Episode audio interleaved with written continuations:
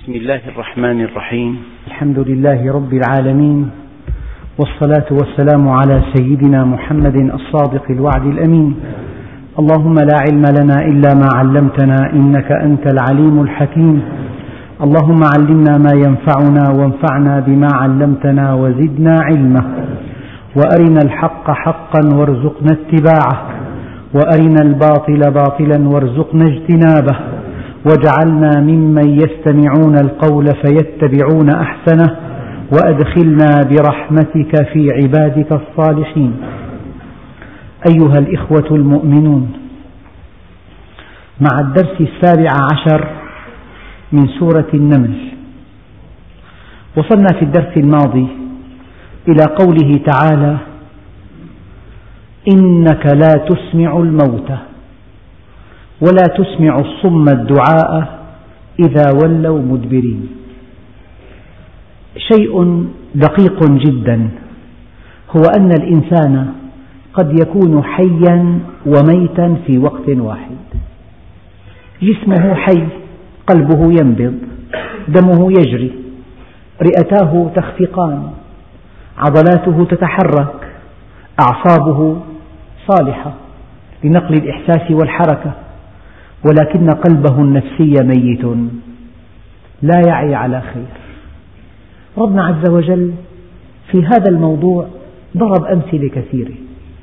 شبه الكفار بالأنعام قال إنهم كالأنعام بل هم أضل سبيلا شبه الذين حملوا التوراة أي تلقوها من سيدنا موسى ولم ولم يفقهوها ولم يعرفوا أبعادها ولم يطبقوها بالحمر قال مثل الذين حملوا التوراة ثم لم يحملوها كمثل الحمار يحمل أسفارا شبه الكفار كأنهم خشب مسندة شبههم بالكلب إن تحمل عليه يلهث وإن تتركه يلهث فالإنسان لو كان يتمتع بصحة طيبة وبجسم قوي العبرة بقلب النفس لأنه يوم لا ينفع مال ولا بنون إلا من أتى الله بقلب سليم ما الذي يعمله الناس الآن؟ عناية فائقة بالجسد يخاف على عينيه يخاف على قلبه دائما يخطط قلبه يفحص عينيه يجري فحوصات دورية تحليلات مخبرية لأنه يحرص على صحته وقلما نجد إنسانا يحرص على صحة نفسه وصحة النفس هي المعول عليها لأن هذا الجسد حينما ينتهي الأجل مصيره إلى التراب إن الطبيب له علم يدل به إن كان للناس في الآجال تأخير حتى إذا ما انقضت أيام رحلته حار الطبيب وخانته العقاقير انتهى الأمر اعتني به ما شئت مهما بالغت في العناية به فلا بد من ساعة ينتهي فيها العمر وينتقل فيها الإنسان إلى دار الحق لكن البطولة أن تعتني بهذه النفس والدليل قد أفلح من زكاها وقد خاب من دساها الكفار يعلمون ظاهرا من الحياة الدنيا خبير يعرف من أين تؤكل الكتف يعرف كيف تقتنص الفرص يعرف كيف يكون الربح عنده حواس سادسة كثيرة جدا في البيع في الشراء في المكاسب في المغانم في المواقف فهذه الخبرات في الدنيا لا تنفع صاحبها شيئا يعلمون ظاهرا من الحياة الدنيا وهم عن الآخرة هم غافلون وفي الآية إشارة دقيقة إلى أنهم حتى في الدنيا لا يعلمونها على حقيقتها يعلمونها ظاهرها حتى في الدنيا الدنيا نفسها يعني الحقيقة المؤمن يسعد في حياته الدنيا سعادة لا يعرفها أهل الدنيا لا يعرفونها لأن استقامته على أمر الله تجعله يستحق حياة هادئة حياة مطمئنة حياة متوازنة لأن توكله على الله يجعله في طمأنينة لأن اعتقاده بأن الأمر كله بيد الله يجعله في راحة قلبية لأن اعتقاده أن الله حكيم وأن أفعاله كلها في حقه خير هذا يجعله ينتفي من قلبه الغل والحقد والحسد فطبيعة المؤمن إذا صحت عقيدته واستقام على أمر ربه وصح عمله هذه الحياة فيها ميزات لا يعرفها أهل الدنيا فلذلك الإنسان من آثر دنياه على آخرته خسرهما معا ومن آثر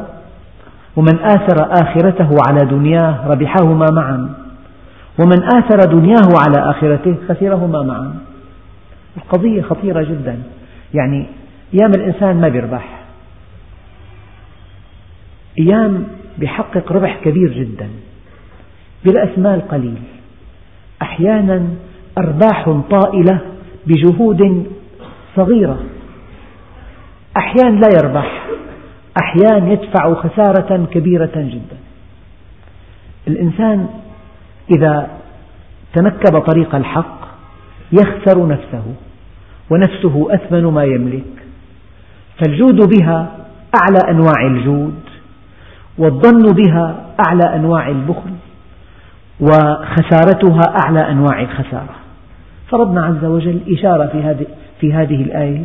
إلى أن هذا الكافر ميت ميت والله قال لي بعضهم يعني إنه يعد حياته منذ أن عرف الله عز وجل قبل أن يعرف الله أموات غير أحياء كتلة شهوات متحركة إنسان وصولي هدفه ذاته يؤثر حظه على كل شيء يضحي بكل شيء من أجل شيء أحد السياح جال في قرية فإذا مقبرتها عليها شواهد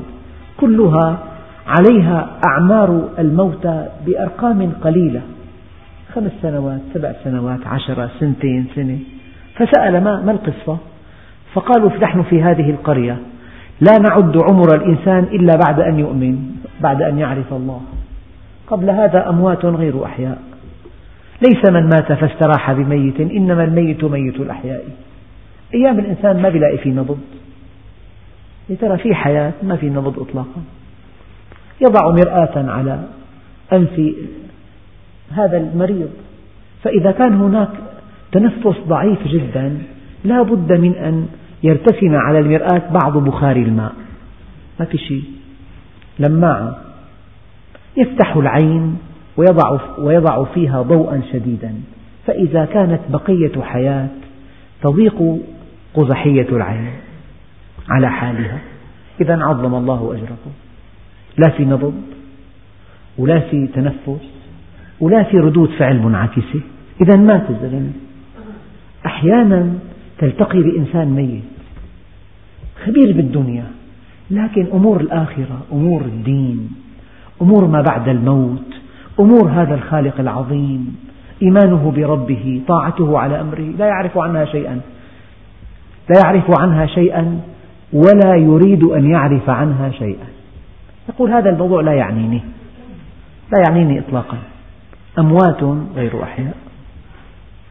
أيام تجد إنسان بالستينات بالسبعينات بالمقهى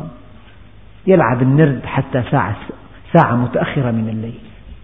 ولا يصلي ماذا أبقى لآخرته كيف سيلقى ربه أموات غير أحياء طيب. هذا الذي يرتكب المعاصي جهارا ولا يبالي يأكل مالا حراما يأكل شيئا ليس له ويحتج دونك القضاء هذا أموات غير أحياء إن أؤمن والله الذي لا إله إلا هو لو دخل عليه درهم حرام لما نام الليل يخاف الله عز وجل يعني أعلى درجة بالمؤمن خوفه من الله عنده حساسية بالغة يعني أحيانا يكون الإنسان له عصب قد, قد ضغط في بعض الفقرات يأتي الطبيب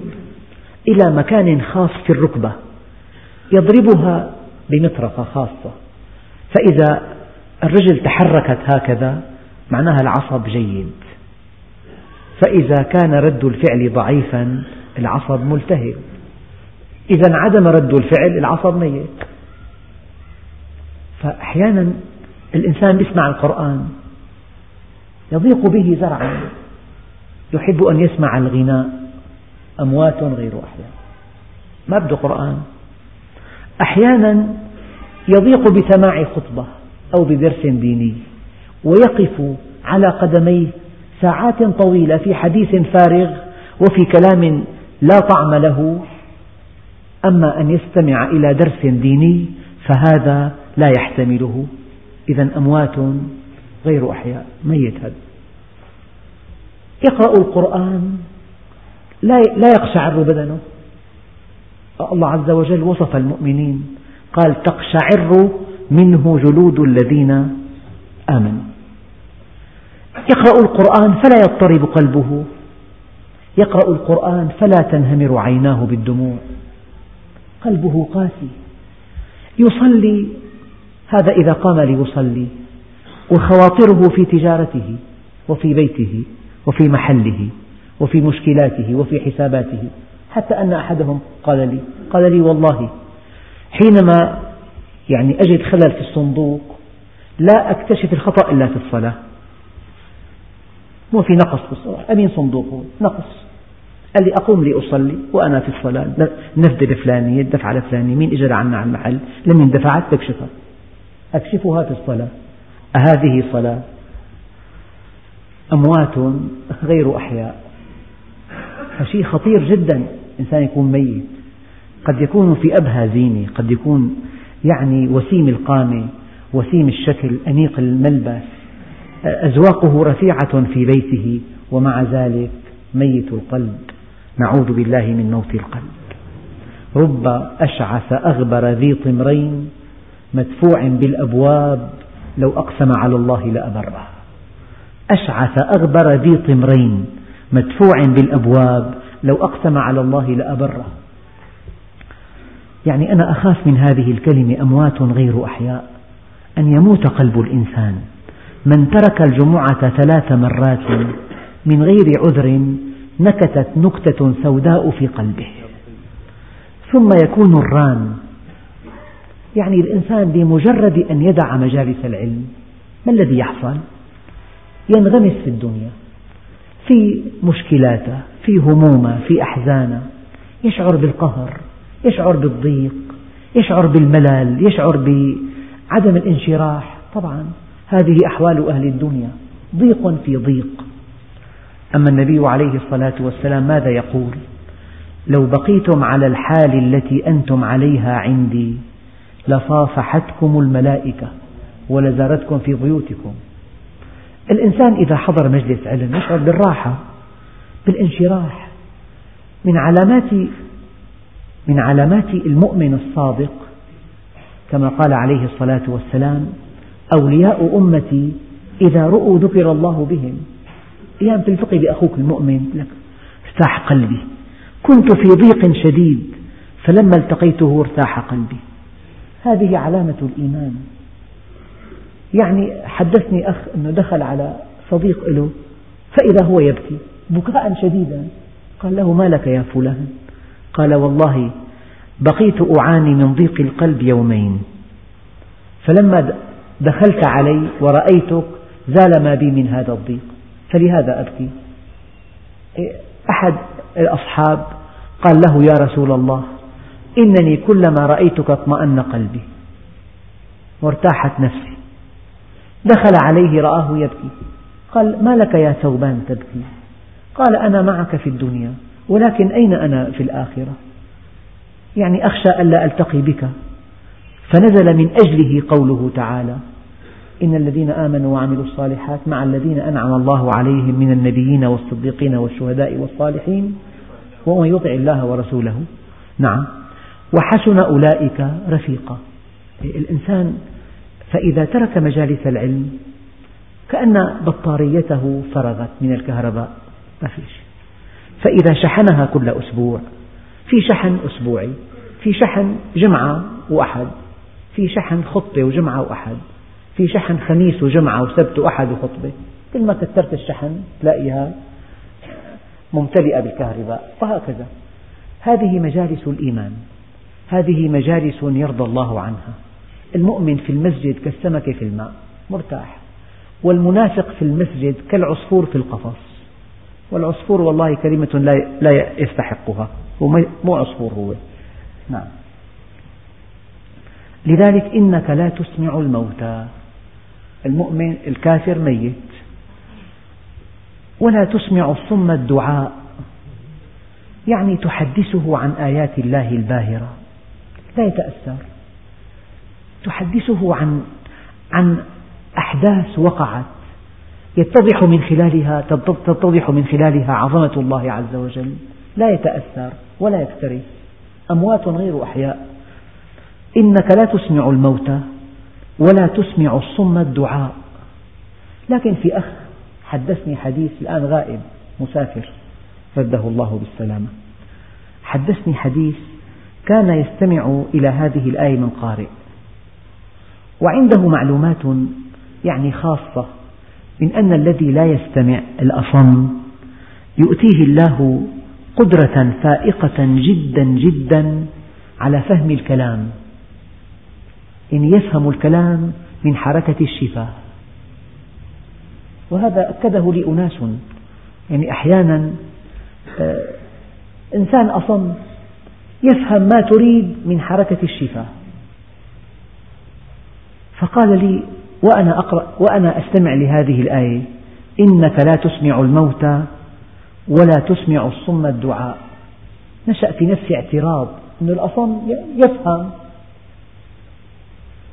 فلما تلا القارئ قوله تعالى إذا ولوا مدبرين قال لي والله الذي لا إله إلا كدت أصعق لأن هذه الكلمة لأن هاتين الكلمتين من إعجاز القرآن لأنه الأصم بما أوتي من قدرات فائقة يفهم الكلام من حركة الشفاه فإذا ولى هو مدبرا أيفهم شيئا؟ إذا هنا لماذا قال الله عز وجل إذا ولوا مدبرين لأنه حتى الأصم قد يفهم بعض المعاني من حركات الشفاه أما إذا أدار ظهره هو ماذا بقي وما أنت بهذه العمي عن ضلالتهم يعني الذي فقد بصره دليل أو يعني يعطينا فكرة واضحة عن عمل قلب يعني الأعمى لا يرى ما في الطريق من حفر من أكمات من منزلقات من مخاطر ويستطيع طفل صغير أن يضلله إذا إنسان كثيف البصر لو قال له طفل يا عماه هناك حفرة يقف ويبدأ يبحث في العصا إيه، في إنسان قلبه أعمى لذلك تأخذه تأخذه بعض النظريات وتذهبه بعض النظريات، ساعة يؤمن وساعة لا يؤمن، أما الذي نور الله قلبه وفتح بصيرته رأى الحق حقا فاتبعه ورأى الباطل باطلا فاجتنبه، والله لو كشف الغطاء ما ازددت يقينا، إنك لا تسمع الموتى ولا تسمع الصم الدعاء إذا ولوا مدبرين. وما أنت بهادي العمي عن ضلالتهم معناها الكافر أصم أعمى ميت أصم لأنه منفذ الحق الحق له طريقان طريق السماع وطريق الرؤية إما أن تنظر في خلق السماوات والأرض إما أن تنظر في بعض الحوادث فتستنبط منها بعض الحقائق وإما أن تجلس في مجلس علم فتستمع إلى الحق منفذ القلب السمع والبصر وكلاهما مغلق إذا مات القلب يؤكد هذا قوله تعالى بسم الله الرحمن الرحيم إن الذين كفروا في البقرة سواء عليهم أأنذرتهم أم لم تنذرهم لا يؤمنون ختم الله على قلوبهم طيب ما ذنبهم إذا ختم الله على قلوبهم قال لا هذا ختم حكمي هذا ختم حكمي وعلى سمعهم وعلى أبصارهم غشاوة والغشاوة هي حب الدنيا حب الدنيا كان غشاوة سد سمعهم وسد بصرهم فإذا سد السمع والبصر فالقلب ختم عليه من باب أولى يعني إذا كان هناك مدخل للبناء خارجي وأرتجنا هذا الباب فالأبواب الداخلية بحكم مغلقة لا قيمة لها مفتوحة أو مغلقة كأنها مغلقة ما دام الباب الخارجي قد أرتج فالأبواب الداخلية مغلقة حكما فحينما يقول الله عز وجل آه، ختم الله على قلوبهم هذا ختم حكمي وعلى سمعهم جهاز تلقي الحق الجاهز السمع وعلى, بصر وعلى أبصارهم البصر جهاز آه، دراسة الحق تلقي الجاهز السمع والتأمل والنظر والتفكر العين وعلى سمعهم وعلى أبصارهم غشاوة فالختم على قلبهم بسبب إغلاق سمعهم وأبصارهم وحب الدنيا كما قال عليه الصلاة والسلام رأس كل خطيئة حب الدنيا يعمي ويصم حب الدنيا رأس كل خطيئة وما أنت بهادي العمي عن ضلالتهم إن تسمع إلا من يؤمن بآياتنا فهم يسلمون فهم مسلمون المؤمن بالآيات هو الذي مؤهل أن يفهم ما جاء في كتاب الله المؤمن لا يمر على آيات الكون مرا مرا سريعا المؤمن إذا شرب كأس ماء يقف عنده طويلا كيف تحول هذا الماء المالح الأجاج إلى عذب فرات لتر الماء في بعض البلاد النفطية يكلف تكلف تحليته أكثر من خمس أو ست ريالات ضربت معاش حوالي ستين أو سبعين ليرة تكلفة تحلية لتر الماء الواحد من جعل هذا الماء في الأمطار وفي الينابيع وفي الأنهار عذبا, عذبا فراتا الله سبحانه وتعالى إن تسمع إلا من يؤمن بآياتنا الكأس الماء له معنى إذا جاءه مولود له معنى كبير يعلم أنه حوين منوي لقحت بويضة فإذا طفل كامل الجمجمة الدماغ الأعصاب الأعصاب الاستنادية خلايا الاستنادية في الدماغ خلايا القشرية النخاع الشوكي العمود الفقري العظام العضلات المخططة والملساء الرغامة والمري البلعوم اللسان الغدد اللعابية الأسنان الفم الأنف العينان الأذنان آه، المعدة الأمعاء البنكرياس الكبد الصفراء الكليتان الكظر عالم قائم بذاته أتحسب أنك جرم صغير وفيك انطوى العالم الأكبر المؤمن لا لا يمر هكذا هذا الطفل قد يجعله يسجد لله عز وجل إذا أكل بيضة يقف عندها طويلا إذا شرب كأس حليب وعلم أن هذا الكأس كل لتر حليب يحتاج إلى 400 لتر يجول في الدم من أجل تصنيعه وأن هذه البقرة معمل قائم بذاته بل إن أعظم المعامل تعقيدا تبدو أمام البقرة تافهة معمل بلا ضجيج تأكل وتحرث لك الأرض وتصنع لك الحليب وقد ذللها الله عز وجل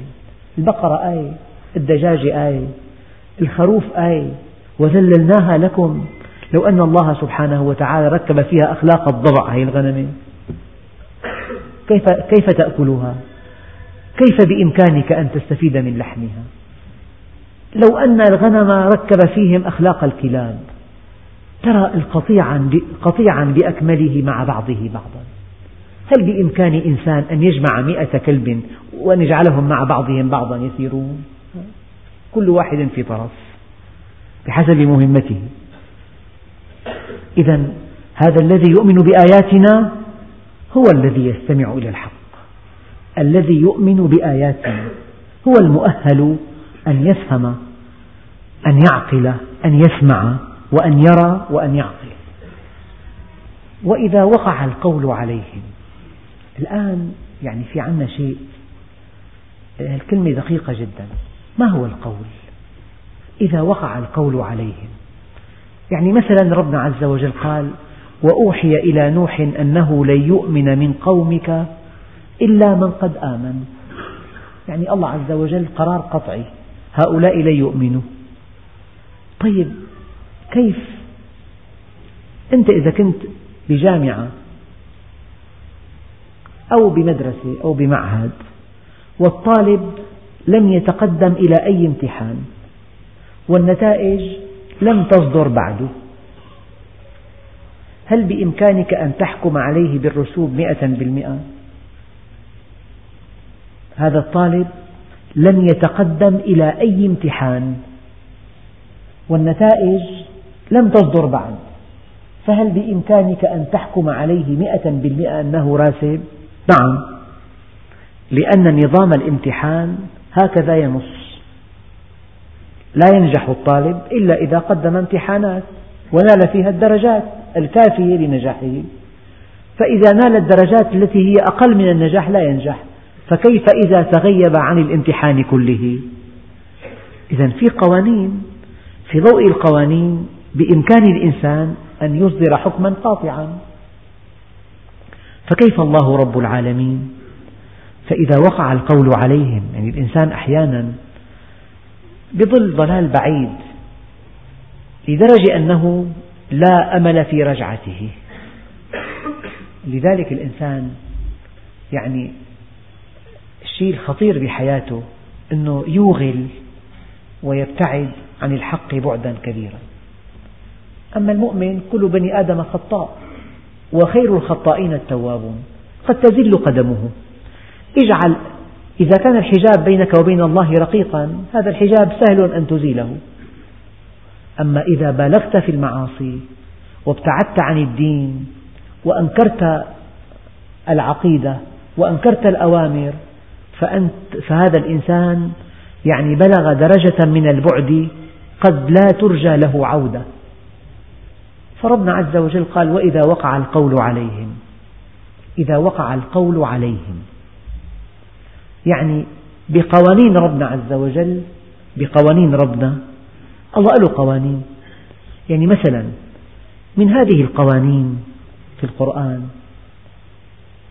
فمن اتبع هداي فلا يضل ولا يشقى هذا قانون وكذلك حقت كلمة ربك على الذين فسقوا أنهم لا يؤمنون هذا قانون ثاني إن الله نعم ادعوا ربكم تضرعا وخيفة إنه لا يحب المعتدين أي لا يستجيب لهم لأنه لا يحبهم هذا قانون رابع فإذا قرأتم القرآن وحاولتم أن تستشفوا منه بعض القوانين هذه القوانين مهمة جدا وتمت كلمة ربك صدقا وعدلا هذا قانون يعني يا عبادي تعاملي معكم وفق القانون التالي منكم الصدق ومني العدل هذا قانون ففي ضوء بعض القوانين الإلهية في ضوء القوانين هؤلاء لا يرجى منهم شفاء ولا أمل يعني أنا أوضح مثل هذا الطالب الذي تخلف عن الامتحان كله ولما تصدر بعد النتائج فهل في ضوء النظام الداخلي للجامعة ونظام امتحاناتها أن تحكم عليه حكما قطعيا أنه راسب طبعا طبعا أحكم عليه حكما راسبا هؤلاء الناس إذا تعلقوا بالدنيا وانغمسوا فيها وأداروا ظهرهم للدين بل كذبوا بوجود الإله وكذبوا بكل ما يمت إليه بصلة هؤلاء ضلوا ضلالا بعيدا يعني أنت ذاهب إلى حمص مرة لو فرضنا في لوحة كبيرة جدا يعني تصور لوحة على عرض الطريق في بعض البلاد في بلاد الحجاز اللوحات على عرض الطريق تماما طريق عرضه 30 متر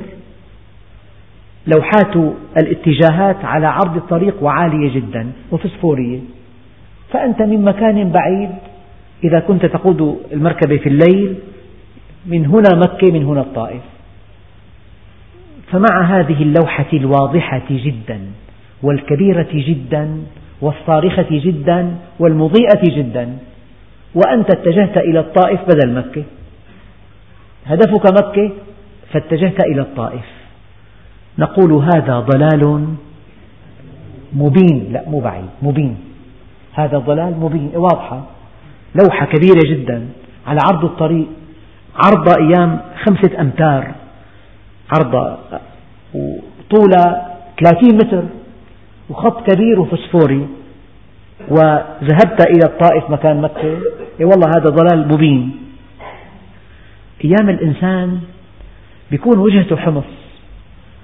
في طريق يميني دخل به خطأ حتى وصل إلى تدمر هذا ضل ضلالا بعيدا غمق من الإنسان بعد أمتار بيرجع بعد 100 متر بيرجع بعد كيلو متر أضعنا قطعنا 20 كيلو متر فالذي ضل ضلالا بعيدا ولعنه الله عز وجل هذا أغلب الظن وقع القول عليه يعني صدر عليه أمر بعدم جدوى هدايته ضل ضلالا بعيدا أوغل في الضلال أوغل في غصب أموال الناس بالباطل أوغل في انتهاك الأعراض أوغل في إيذاء الناس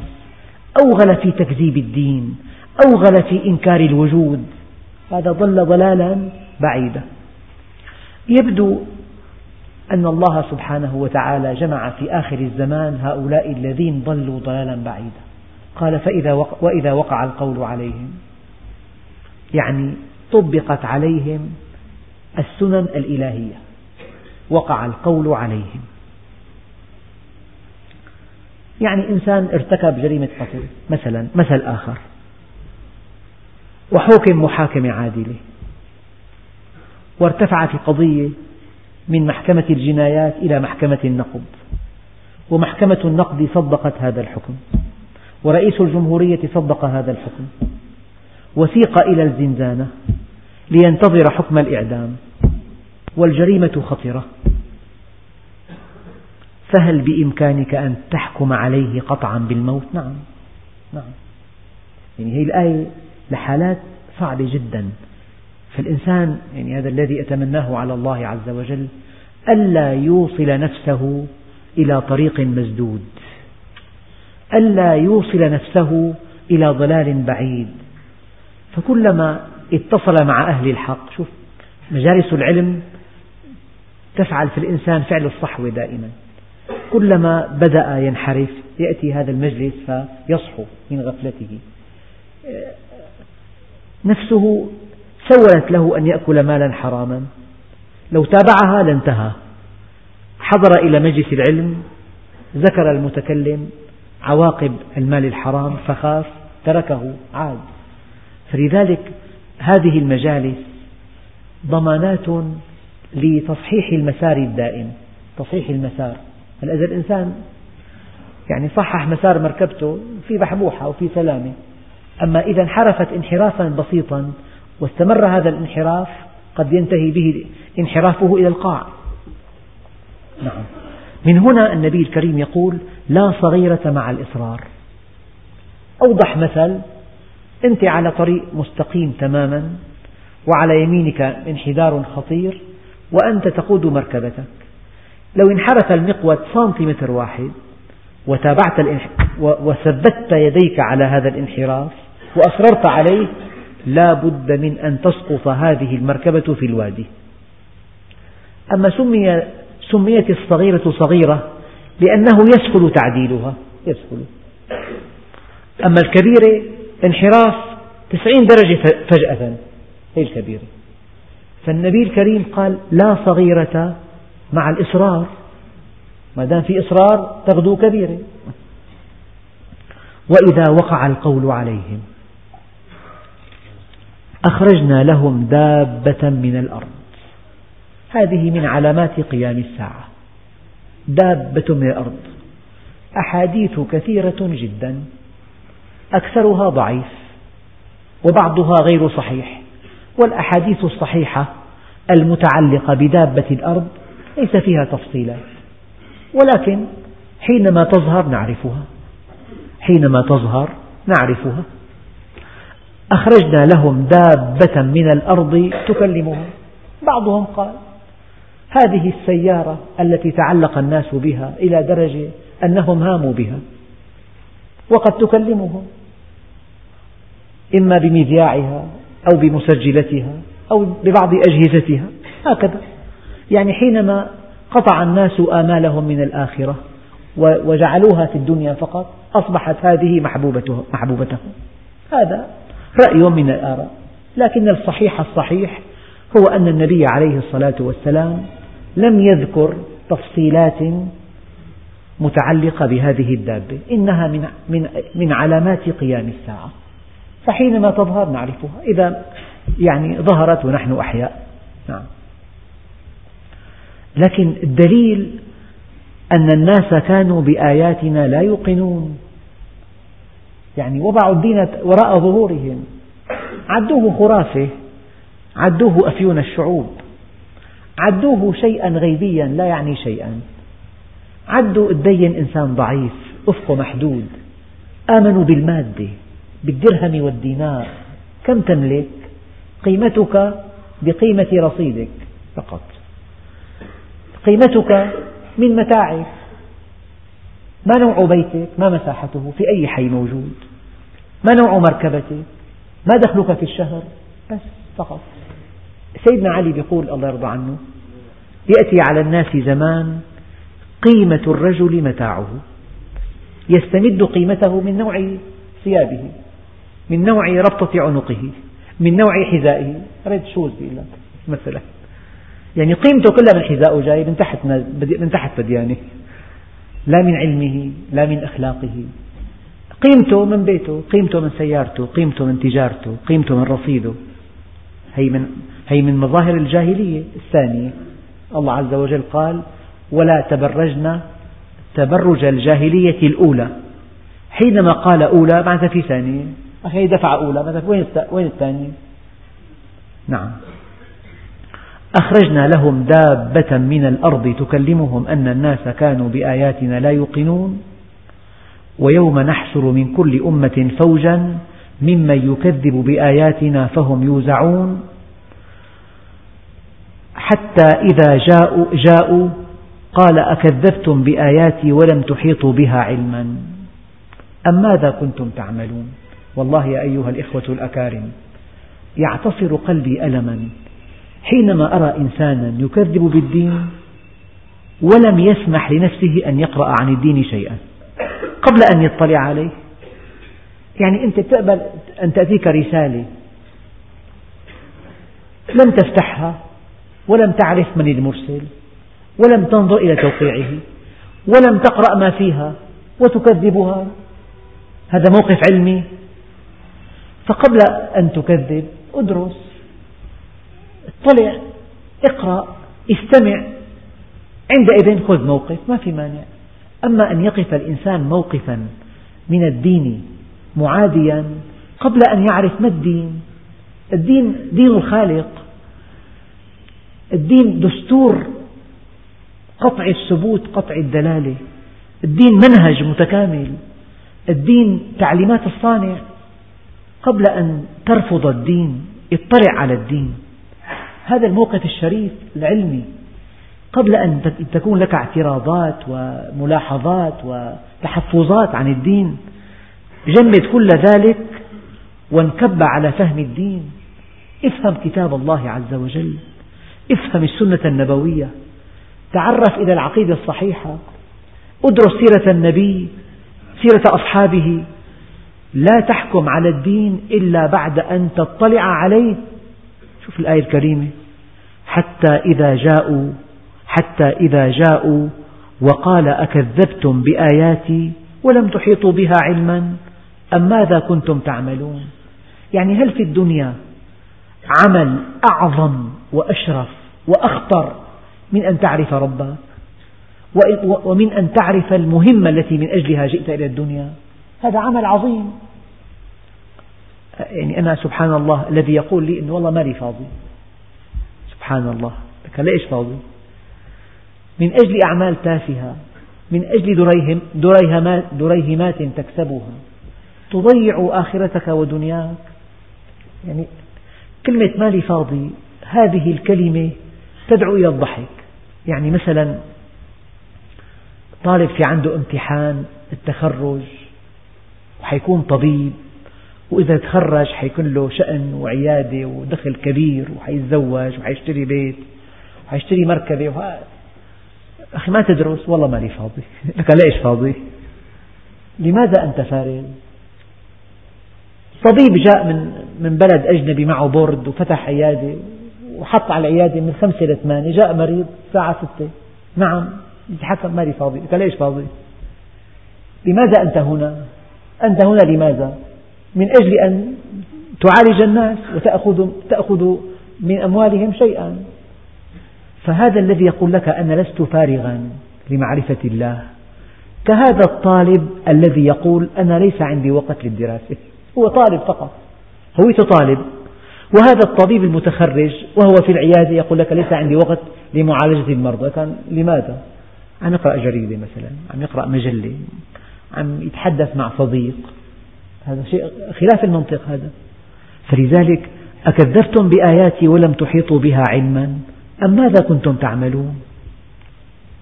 ووقع القول عليهم بما ظلموا فهم لا ينطقون وقع القول عليهم بما ظلموا أيام السكوت معبر أيام أنت مع ابنك أحيانا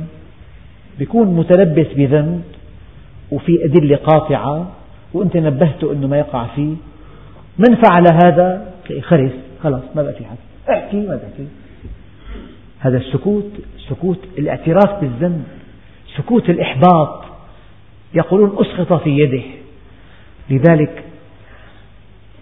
ووقع القول عليهم بما ظلموا فهم لا ينطقون ماذا يتكلم